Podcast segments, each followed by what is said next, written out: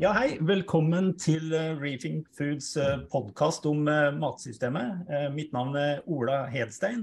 Og vi bruker disse sendingene å belyse hva som er problematisk med dagens matsystem, og hva som kan være mulige løsninger for å få det til å funke bedre. Nå i det siste så har det vært veldig mye rundt matsikkerhet, og at det har blitt en ustabilitet i både global og nasjonal sammenheng. Eh, og For å belyse liksom, disse tingene, så inviterer vi i disse møtene da noen eksperter til å hjelpe til å finne ut uh, hva som kan være både problemet og muligheten framover. Og Denne gangen så har vi med oss en politisk ekspert. Uh, Alfred Bjørlo, velkommen skal du være. Tusen takk for det. Du er jo næringspolitiker på Stortinget og sitter i, i næringskomiteen og har vel fått hele ett års erfaring uh, etter hvert. Og har vært med på å behandle ditt eh, første jordbruksoppgjør rett før, før sommeren. Eh, går det an å spørre deg liksom, hva slags uh, betraktninger du har gjort rundt den debatten vi har om matproduksjon og matsystem i Norge på basis av det første året? Ja, altså For å si det litt enkelt, så er vel min betraktning at vi har ingen gode arenaer for disku helhetlige diskusjoner om landbruks- og matpolitikk. Det er vel min viktigste erkjenning og konklusjon etter det første året. Um, og Det er egentlig ganske alvorlig, fordi at matpolitikk i det store bildet blir jo inne på viktigere og viktigere både nasjonalt og internasjonalt. Og det henger stadig tettere sammen med andre politikkområder. Men den eneste landbrukspolitiske saker av noe størrelse og betydning. Ja, OK, vi har hatt noen saker à la strømstøtte til landbruk. ikke sant? Altså Disse ja. sakene for å håndtere akutte kriser som har vært riktige og nødvendige og bra at de kommer. Men den eneste større saka vi har gjennom året, er jo saka om landbruksoppgjøret. Um, da, det må jeg si er en frustrerende oppleving å være med på som engasjert landbruksinteressert politiker på Stortinget. For Da er jo det Stortinget får et ferdig forhandla landbruksoppgjør, som er forhandla i et lukka rom mellom partene, som er det makttriangelet vi har i norsk landbruk. Til og med nå med et Senterpartistyrt landbruksdepartement, et Senterpartistyrt eh, stort faglag med Bondelaget. Eh, disse forhandlingene skjer i det lukka rommet. Det kommer inn en ferdig pakke som er take taket leave livet for Stortinget. Og rommet for å drive politikk der er omtrent null. I år var det jo slik at noen partier var så frustrert over det at de ønsket å gå inn og endre på det framforhandla resultatet i Stortinget. Det var Venstre jeg veldig skeptiske til. For det handler nok om respekt for systemet sånn som det er i dag. Men det som overraska meg mer, var jo selv om når vi prøvde å legge inn føringer på å si at årets landbruksoppgjør det er et kriseoppgjør. Det er for å få bøndene igjennom i ett år til, for å si det litt enkelt. Men vi er nødt til å begynne på noen mye større omlegging av norsk landbruk på det. Eh, vi prøvde å legge inn merknader på det. Det ble avvist, fordi at Stortinget kunne ikke på den måten drive og legge føringer på framtidige landbruksoppgjør. Og vi foreslo til og med fra Venstres side at vi går i gang og begynner helt fra scratch. Og går i gang og lager en ny stortingsmelding om de store sammenhengene i matpolitikken. Landbruk, klima, folkehelse hele det store bildet. Det ble også avvist og stemt ned av, av regjeringspartiene. Så egentlig er, sånn som jeg opplever det, inn i dette her um, maktkjernen som styrer norsk landbrukspolitikk, med parter som sitter veldig tett på hverandre, ikke noe ønske om å ha en reell stor landbrukspolitisk debatt i Norge. Og jeg ser heller ikke noe behov for å legge om systemet sånn som det er i dag. Og det mener jeg er ganske alvorlig. Ja, det var jo en uh, kraftig uh, kraftig vurdering av et, uh, et system. Men, men er den, den, følelsen din er det en frustrasjon over at man i disse forhandlingene som da har vært mellom staten og, og faglagene, ikke liksom berører de temaene som hører til, eller er det det at dere blir holdt utenfor pga. det forhandlingsinstituttet som, eh, som, ligger der? Det er kanskje mest det første du sier, eh, at en ikke berører de store temaene. Altså, det som skjer er jo en ren forhandling om inntektsgrunnlaget for den norske bonden ikke sant? innenfor det eksisterende systemet og de eksisterende rammene. Um, men den store diskusjonen vi er nødt til å ta, er jo hvordan norsk landbruk i stort skal se ut om 10-15 år, gitt alt vi nå vet om alt fra endringer i forbrukervaner, hva en etterspør av type mat, av klimaendringer, av behov for et kosthold som samsvarer med folkehelseråd. Um, store endringer vi ser i matpolitikken i land rundt oss, ikke minst på EU-nivå. Altså Det skjer så mye rundt oss nå at det at en sitter på en måte noen parter i et lukka rom og forhandler inntektsgrunnlaget innenfor dagens system, det løser ikke utfordringene. Og, og jeg tror også det, det her er den underliggende årsaken til det kraftige bondeopprøret vi har sett de siste åra. Selvfølgelig handler det jo noe om at en er kommet bakpå lønnsmessig og føler seg så med rette som lønnstapere i en situasjon der andre yrkesgrupper har fått bedre å rutte med, og bønder jobber veldig, veldig mye for en relativt lav inntekt. Men det handler nok òg om at du er innenfor et system som mindre og mindre er i takt med den framtida vi ser kommer på det helhetlige matområdet, tenker jeg. Ja, men Da kommer jo du egentlig med et sånn, eh, et, en tilsvarende påpeking som for så vidt eh, flere har eh, kommet med i den senere tid. Ja, jeg var jo på nå i helga på Dyrskund, den store folkemønstringa for landbruket i Seljord. Uh, fantastisk arrangement med nesten 100 000 besøkende der oppe. Uh, og der var jo Gunhild Stordalen, da, som ikke alltid er like populær for hva hun mener om mat og, og landbruk.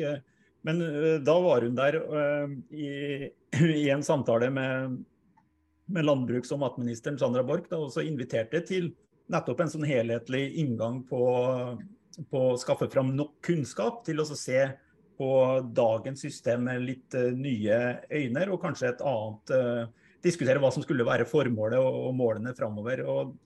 Det var jo ikke mye, mye åtgaum hun fikk for, uh, for, den invitten til, til samarbeid der, der, oppe. og da, da, er hun jo inne på noe av det, det samme. Er det en reell fare for at vi kan komme bakpå i forhold til utviklingen f.eks.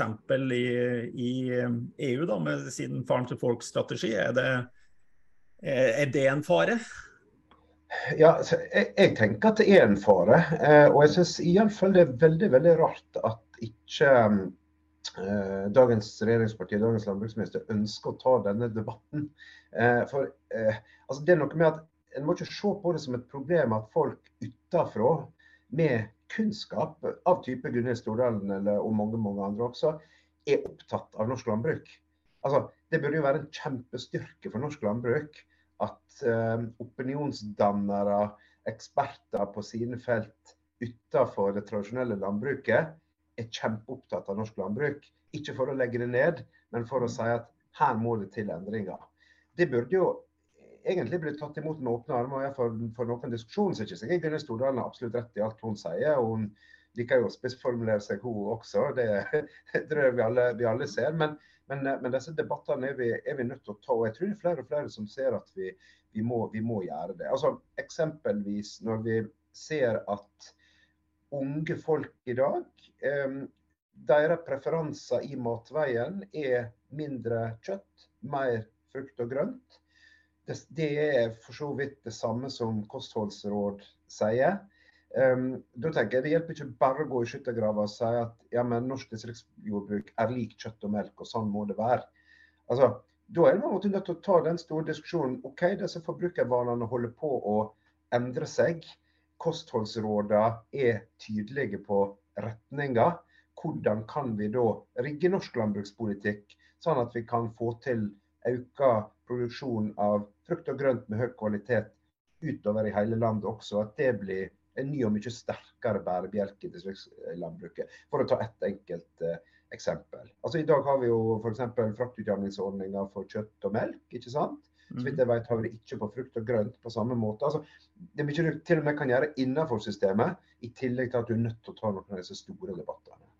Ja, og så er det jo en side ved det som i hvert fall vi fra Reefing Food har vært eh, opptatt av. og det er jo at Den store utfordringen eh, for alle sammen, eh, det er jo å bli i stand til å produsere mer mat til flere folk i et vanskeligere klima framover. Og at uten skikkelig tro på at det er trygghet for tilgang på mat om 10-20-30 år, så er det umulig å løse de klimautfordringene og biomangfoldsutfordringene som har. Og, og, da ligger det jo an til at om ikke det er mulig å øke produksjonen mye liksom til neste år, så, så, er det jo et potensial her til å øke produksjonen, rett og slett fordi verden trenger mat på en annen måte enn det vi har vært vant til nå de siste tiåra. Og det burde jo, burde jo være noe som både trigga matpolitikere og ikke minst næringspolitikere.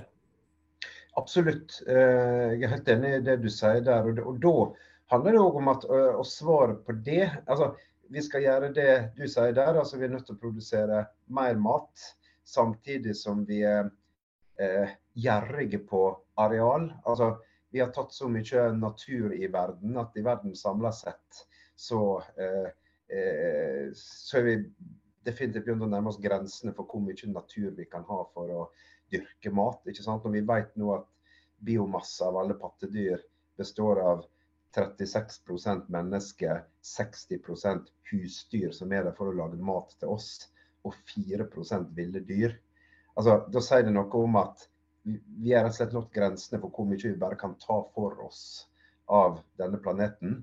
Så innenfor rammen av det arealet vi har, det kunnskap vi har og de ressursene vi har, så er vi nødt til å produsere mer mat. Vi må gjøre det klimavennlig, vi må gjøre det eh, miljøvennlig. Og vi må jeg, være villige til å ta i bruk ny teknologi på ulike måter for å få det til. Og at framtidas matproduksjon vil være veldig enda mer mangfoldig enn i dag. Vi snakker om alt fra å ta i bruk utmarksareal til beite til å dyrke mer frukt og grønt i distriktsområder der det i dag bare er gressproduksjon, til type økt produksjon i eh, det, både nye, gamle og nye typer drivhus, fabrikkhaller. Altså matproduksjon, eh, og da har vi bare snakket om det som på land, så har vi alltid sjøen i tillegg. Altså Matproduksjon kommer til å måtte og bør bli mye mer mangfoldig enn i dag, men smart og teknologieffektivt. Jeg har lyst til å komme tilbake til det med smart og teknologi. Eh, ta i bruk ny teknologi. Men, men, før det, Alfred. Eh, du er jo i næringskomiteen, så du sitter jo midt i, i midt i ja, hva heter det igjen? Altså, men du sitter jo veldig godt til i forhold til å delta i disse debattene. Eh, men du er jo en del av opposisjonen. Eh, og bekjentgjorde litt frustrasjon eh, ut ifra erfaringene så langt. men det kan vel ikke være sånn at dere på Stortinget og i opposisjonen er eh, forskåna fra å utfordre statsråden og regjeringen på disse områdene. Uh, hva, hva, kan dere gjøre, egentlig, sånn at vi får en litt spennende, mer spennende debatt i neste år etter neste jordbruksoppgjør? Nei, Det er klart, det, det har du helt rett i. Og Det spennende med landbruksområdet litt i Hvittå er faktisk at det som du sier, et veldig bredt politisk engasjement for det. Og eh, på noen punkt så har en faktisk også klart å samle hele opposisjonen om å få fart på området der vi mener det går for seint. Det var en samla opposisjon som gikk inn for å få fortgang på arbeidet med en ny dyrevelferdsmelding f.eks. Med veldig klare bestillinger til regjeringa. Der gikk hele opposisjonen sammen og satte trøkk på det arbeidet. og Det arbeidet er nå i full gang, ser jeg, ut i i Landbruks-Norge, og det er kjempebra. Um, og, og, så skjedde det en annen interessant ting òg når vi behandla landbruksoppgjøret nå i vår. Det var at en, igjen en samla opposisjon, fra Rødt til Frp, gikk i lag og lagde flertall for en merknad fra Venstre som sier at flertallet i næringskomiteen mener det er et stort potensial for å øke norsk selvforsyning gjennom vridning av produksjonen i landbruket over mot mer grønt og korn, samt å stimulere til økt bruk av beite- og utmarksressurser og andre virkemidler for å kutte i bruk av soya og andre utenlandske fôrråvarer med høye klimaavtrykk. Dette flertallet forventer at en slik kursendring blir tydelig signalisert, slik at norsk landbruk allerede nå kan starte nødvendig omstilling. Og Det er ganske interessant altså, at et samla opposisjon fra Frp ut til Rødt og SV er frustrert over at det er for mye status quo, at en murer seg for mye inn bak gamle murer i det tradisjonelle makttriangelet i landbruket med Senterpartiet på alle sider av bordet, for å være litt spiss. Um, vi er nødt til å få til en retning. Så vil nok, når vi begynner å jobbe videre med dette, sikkert være litt ulike politiske syn på veien videre. Fra de som vil ha mye, veldig mye marked og lavere pris, til de som vil ha um, mindre marked. Men altså at en ikke er tilfreds med måten vi driver landbrukspolitikk på i dag, det er det faktisk en ganske brei enighet om i næringskomiteen. og jeg tror at disse eksemplene jeg nevner her, kan det komme flere av i åra framover. Hvis vi ikke snart får til en annen holdning fra regjeringa og landbruksministerens side. Og enn å si at nei, nei, alt er kjempefint i dag. Vi durer videre i dagens system. Og er dere imot kjøtt og melk, så er dere imot norsk landbruk. Og da får dere holde kjeft. Altså, vi, vi, må vekk fra den, og det tror jeg er bare et spørsmål før vi, før vi kommer dit. altså det er en eh, såpass bredde i opposisjonen som du har med beskrevet der. Det bør jo være et signal som eh, om ikke annet eh, da næringen og andre samfunnsaktører merker seg. Men, men er det kan, kan vi se altså, nå, nå, sitter du og de andre som var med på den merknaden der i en opposisjonssituasjon. men skape Kommer Venstre med noe ny politikk og tilsvarende fra, eh, fra Frp og Rødt i, i, kommende altså Det skal jo valgprogram på plass igjen, både til kommunevalg og til neste stortingsvalg. Eh, kan vi forvente det? Jeg synes, bare si at jeg syns jo det var ganske tynt da, fram mot uh, innholdet på matpolitikk uh, til det forrige stortingsvalget fra de fleste partier, egentlig. Men kan jeg ha forhåpninger om mer spennende lesning eh, til neste valg? Ja, eh, ja det, det, tror jeg absolutt du kan ha. For det første vil jeg nå si at òg i Venstre, mener jeg, vi eh, gikk til valg på en mye mer heilskapelig og egentlig ganske god landbrukspolitikk til dette valget i 2021 enn vi kanskje har gjort tidligere, der jeg skal være delvis enig med deg i det du sier. men vi jobber akkurat nå i disse dager med å utvikle en mye mer helhetlig, gjennomtenkt matpolitikk i brei betydning av ordet.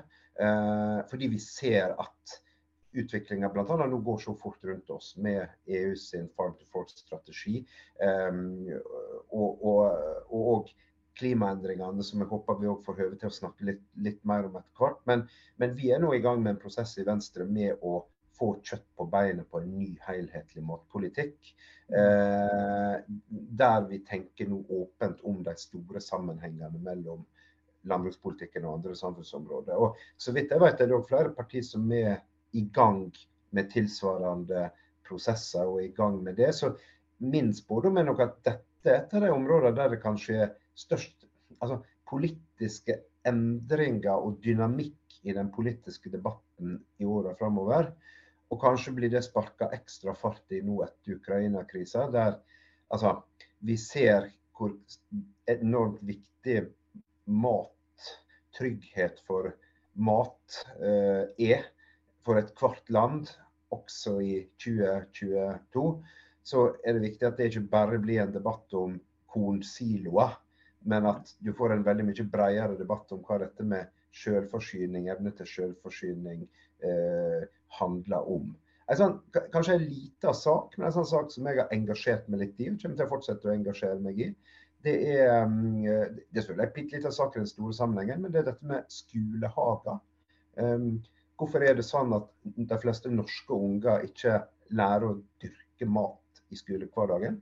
Den eneste plassen der en på en måte har holdt på den tradisjonen, er faktisk i Oslo. En del skoler i Oslo som har klart å holde på det og gjøre det til en del av det en lærer gjennom barneskolen og grunnskolen. Ellers utover i landet er dette i stor grad vekk. sånn at og mange unger som lever i det du kan kalle klassiske jordbrukskommune, har ikke noe nært forhold til det å dyrke mat. Eh, og, og, prinsipper rundt det i, i sin skolehverdag. Det er en sånn ting som ja, en liten brikke i den store sammenhengen, men det hører med i helheten. Hvordan vi får mange flere til å få et nært forhold til det å dyrke sin egen mat. Tilsvarende type andelshager rundt byer og tettsteder og alt. Jeg tror det er en kjempefordel også for norsk landbruk at det med kunnskap om å dyrke, kunnskap om hvor maten kommer fra, at det er mange flere enn i dag har et nærere forhold eh, til det. Jeg kan jo skrive under på det du beskrev om eh, Oslo. Jeg bor jo på Sagene Bjølsen like ved Geitmyra og har hatt barn som har hatt gleden av den skolehagen som, som er der. Eh, så, så, det er virkelig et tilbud som burde, alle barn burde få. Men la meg da dra den videre over til for så vidt klimatemaet som du etterlyste. Eh, Miljødirektoratet kom jo nettopp med en rapport som het 'Klimaendringene utfordrer det norske matsystemet'. Eh, og mer tydelig enn noen gang så ble det jo sagt, eh, og kanskje ikke så overraskende nå etter Ukraina-situasjonen, men mer tydelig enn noen gang så sier de om at vi kan ikke ta det for gitt at selv med store lommebøker som Norge har, så har vi muligheten til å kjøpe oss ut av, av problemene. Eh, og at det påvirker det norske matsystemet like mye som, eh, som det, det, globale. Eh, og en av de tingene som de etterlyste, som, som har vært veldig opptatt av lenge, det er jo da risiko- og sårbarhetsanalyse på vår egen forsyningssikkerhet. Sånn at vi har et grunnlag for å finne ut hvor god må selvforsyninga vår være.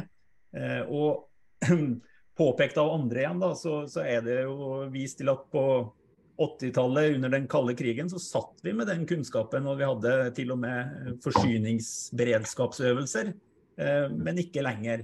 Eh, det er jo litt rart å høre at eh, vi har en tynn risiko- og sårbarhetsanalyse på noe så vesentlig som matforsyninga vår, og at det har ikke vært villa politikk eh, de siste tiåret å lage nettopp den type eh, uavhengig dokumentasjon.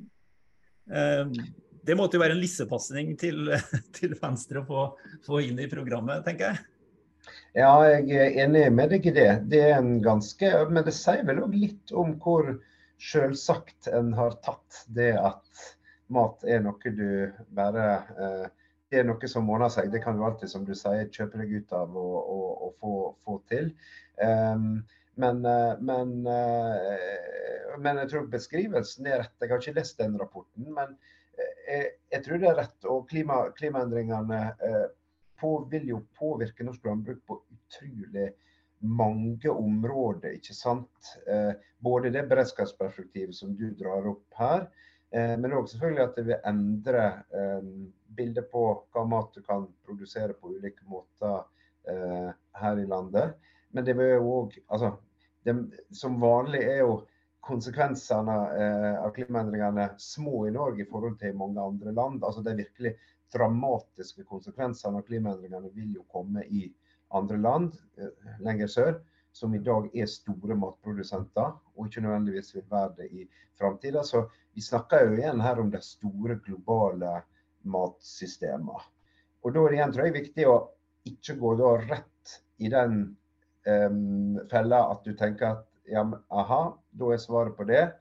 Um, nasjonal sjølberging, Vi må tenke på oss. Vi skal lage nok mat til oss sjøl. Da er vi berga.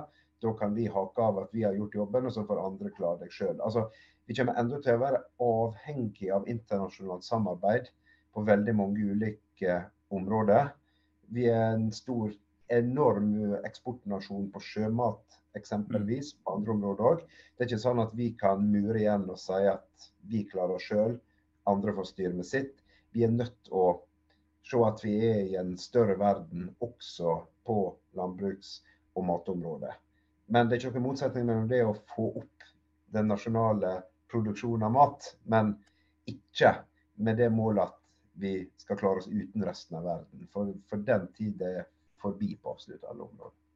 Ja, vi, vi, vi kan, det, det, er jo det er jo relevant å vurdere muligheten av at uh, siden så store arealer går ut av produksjon pga. grunnvann som forsvinner, eller grunnvann blir forurenser eller eh, rett og slett tørke. Altså når det er 50 grader rundt Middelhavet, så begynner det å være vanskelig å dyrke noe som helst. Eh, har vi jo sett eh, flere somre på, på rad nå.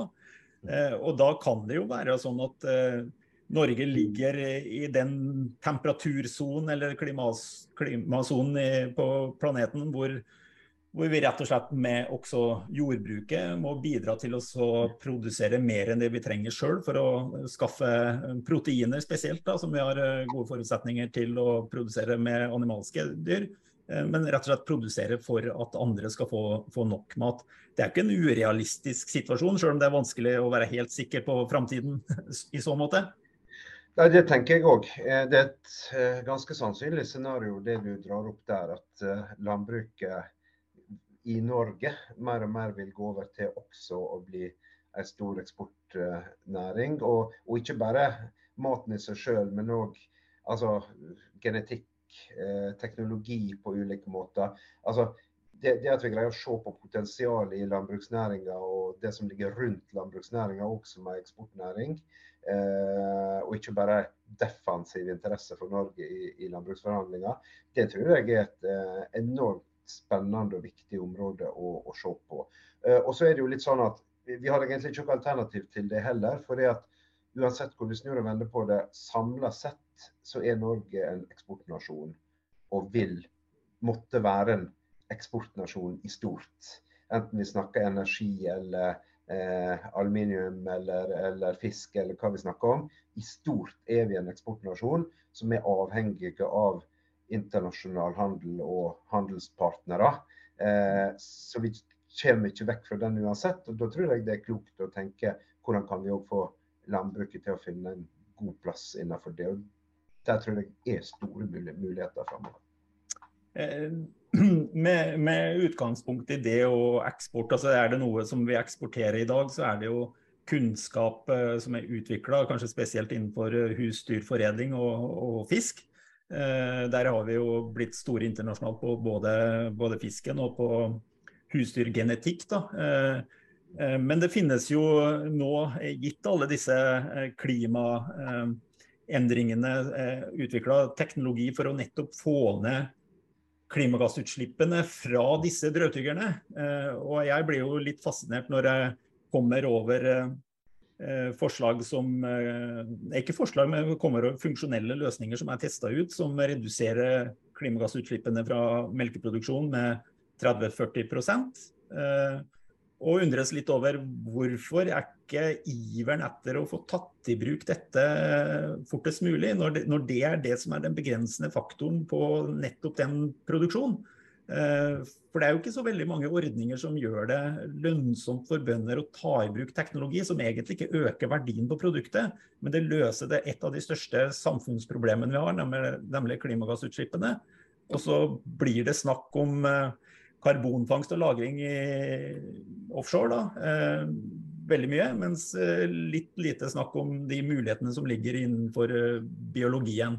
Mm det måtte jo være eh, kreve, fortjene litt mer eh, kraft eller incitamenter. Eh, for vi kan ikke forvente at bønder tar i bruk noe som bare koster dem penger. og I hvert fall ikke nå når energiprisene går fullstendig av skaftet, så, så blir det jo ikke rom for den type investeringer når det ikke er lønnsomt, rett og slett.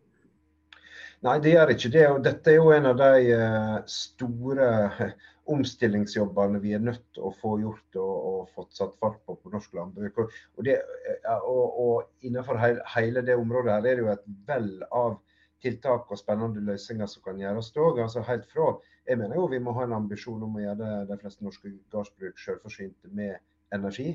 Ja. Eh, med å ta i bruk gjødselproduksjon, tak til solenergi. Altså at vi lager mer lokale system for å utnytte energi lokalt og gjøre gårdene uavhengige og robuste mot høye strømregninger og oljepriser. Det, er, det, må, det må komme.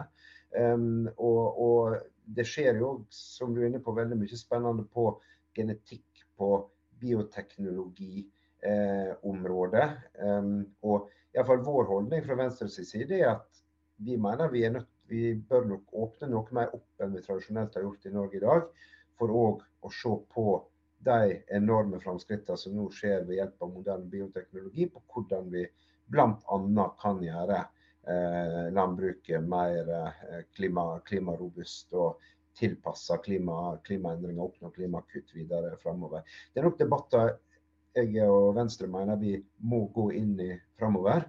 Så er det jo det er klart det er et område der det er viktig at vi gjør det i lag og i en dialog med landbruket. Men mitt inntrykk er i fall at det er mange Vi har jo fantastiske kunnskapsmiljø på dette i, i, i Norge i, i, dag.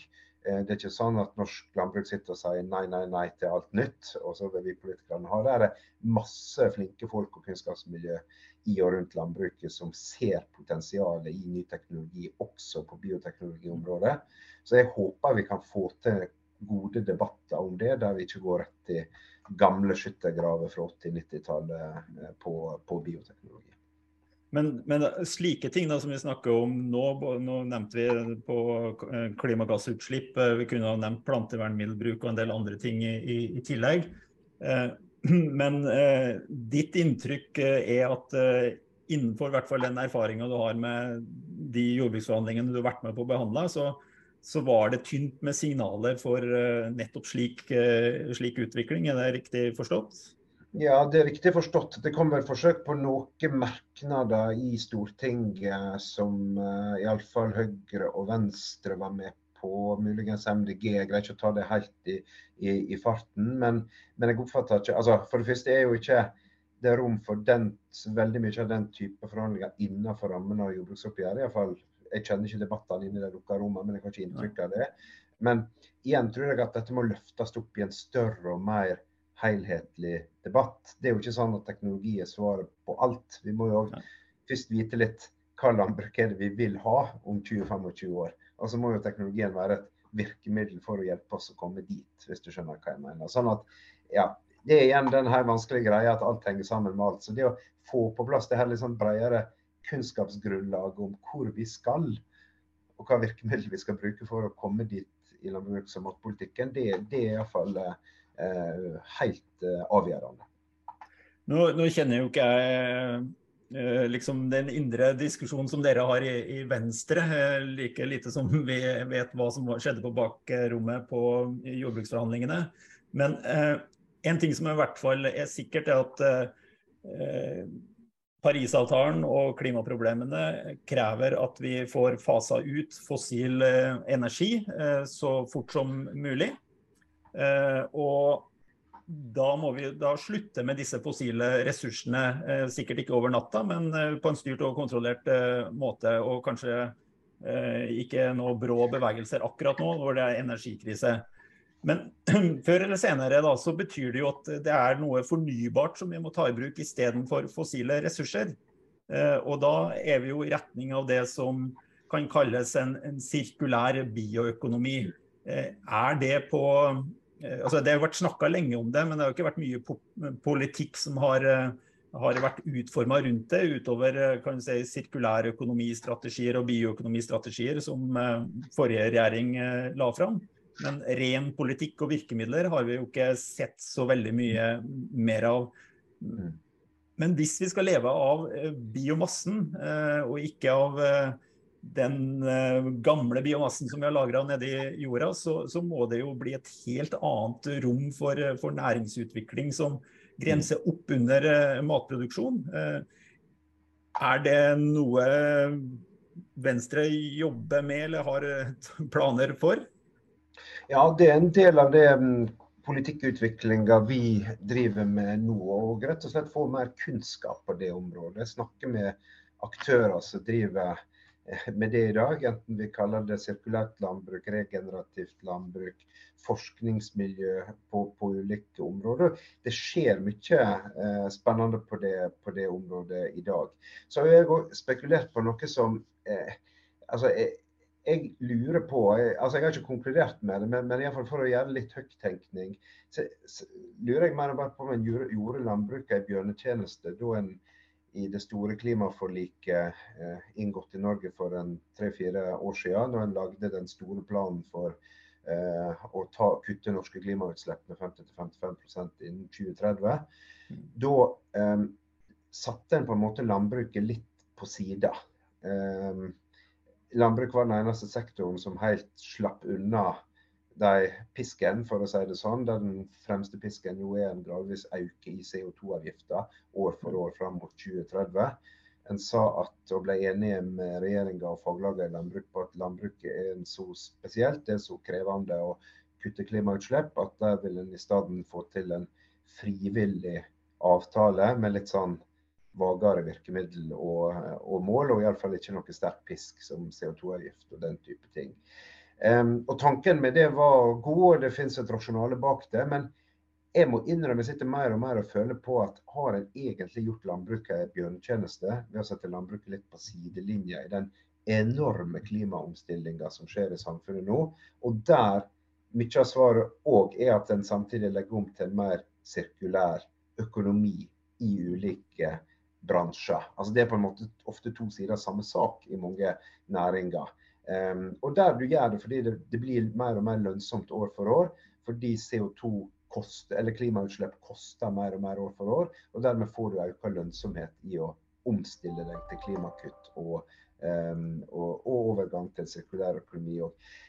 de, den dynamikken er vi nødt til å få til i landbruket òg. Nå er det mm. gått tre til fire år siden den frivillige avtalen mellom landbruksorganisasjonene og jordbruket var inngått. Klimautslippene i norsk landbruk går ikke ned, de går tvert imot opp. Gikk opp i fjor. En er ennå ikke enige mellom faglagene, selv om helt grunnleggende ting som hvordan en skal måle og hva virkemiddel bøndene skal bruke for å drive styring av sine klimautslipp. Denne klimakalkulatoren, det, har en, det krangler en enda om tre år etterpå. Altså, dette går for seint.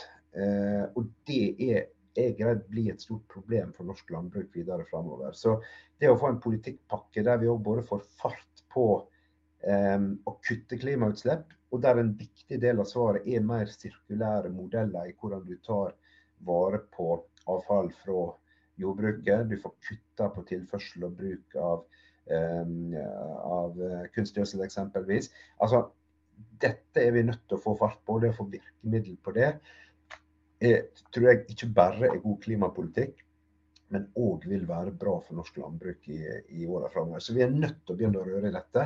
Vi kan ikke lenger bare si at jo, jo, men landbruket har fått, en, fått fri fram til 2030 og får lov å gjøre det de sjøl finner ut. Jeg tror vi er nødt til å um, ta nye runder på det.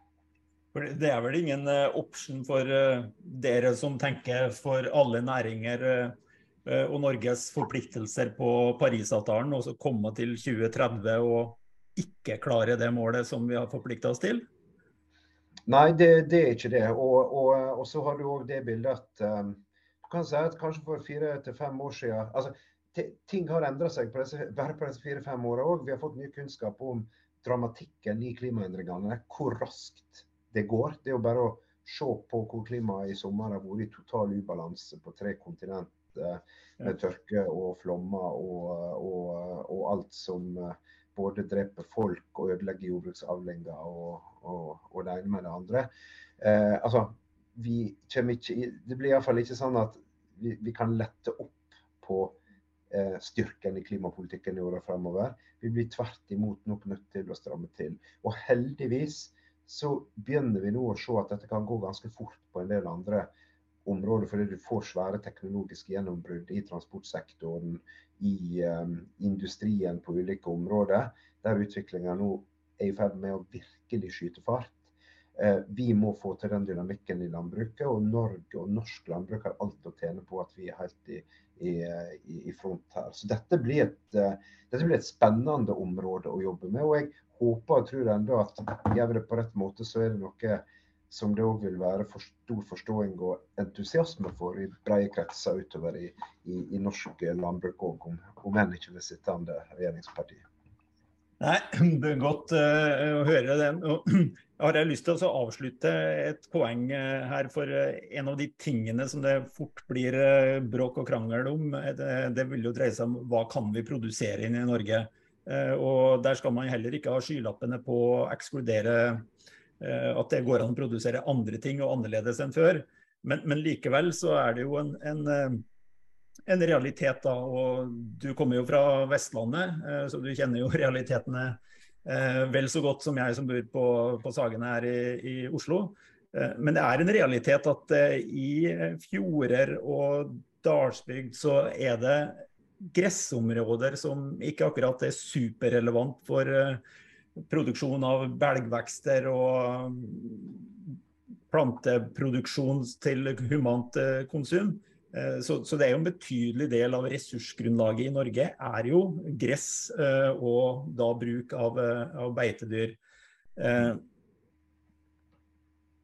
Er det en fare for at vi liksom skremmer eller støter bort disse bøndene for å ta i, i, i denne materien, nettopp fordi vi, eh, de får et inntrykk av at eh, nå går det an plutselig å dyrke kål og gulrøtter omtrent på hver en flekk i Norge, eh, uansett hvor langt nord eller langt oppe i fjellsida det, det, ligger.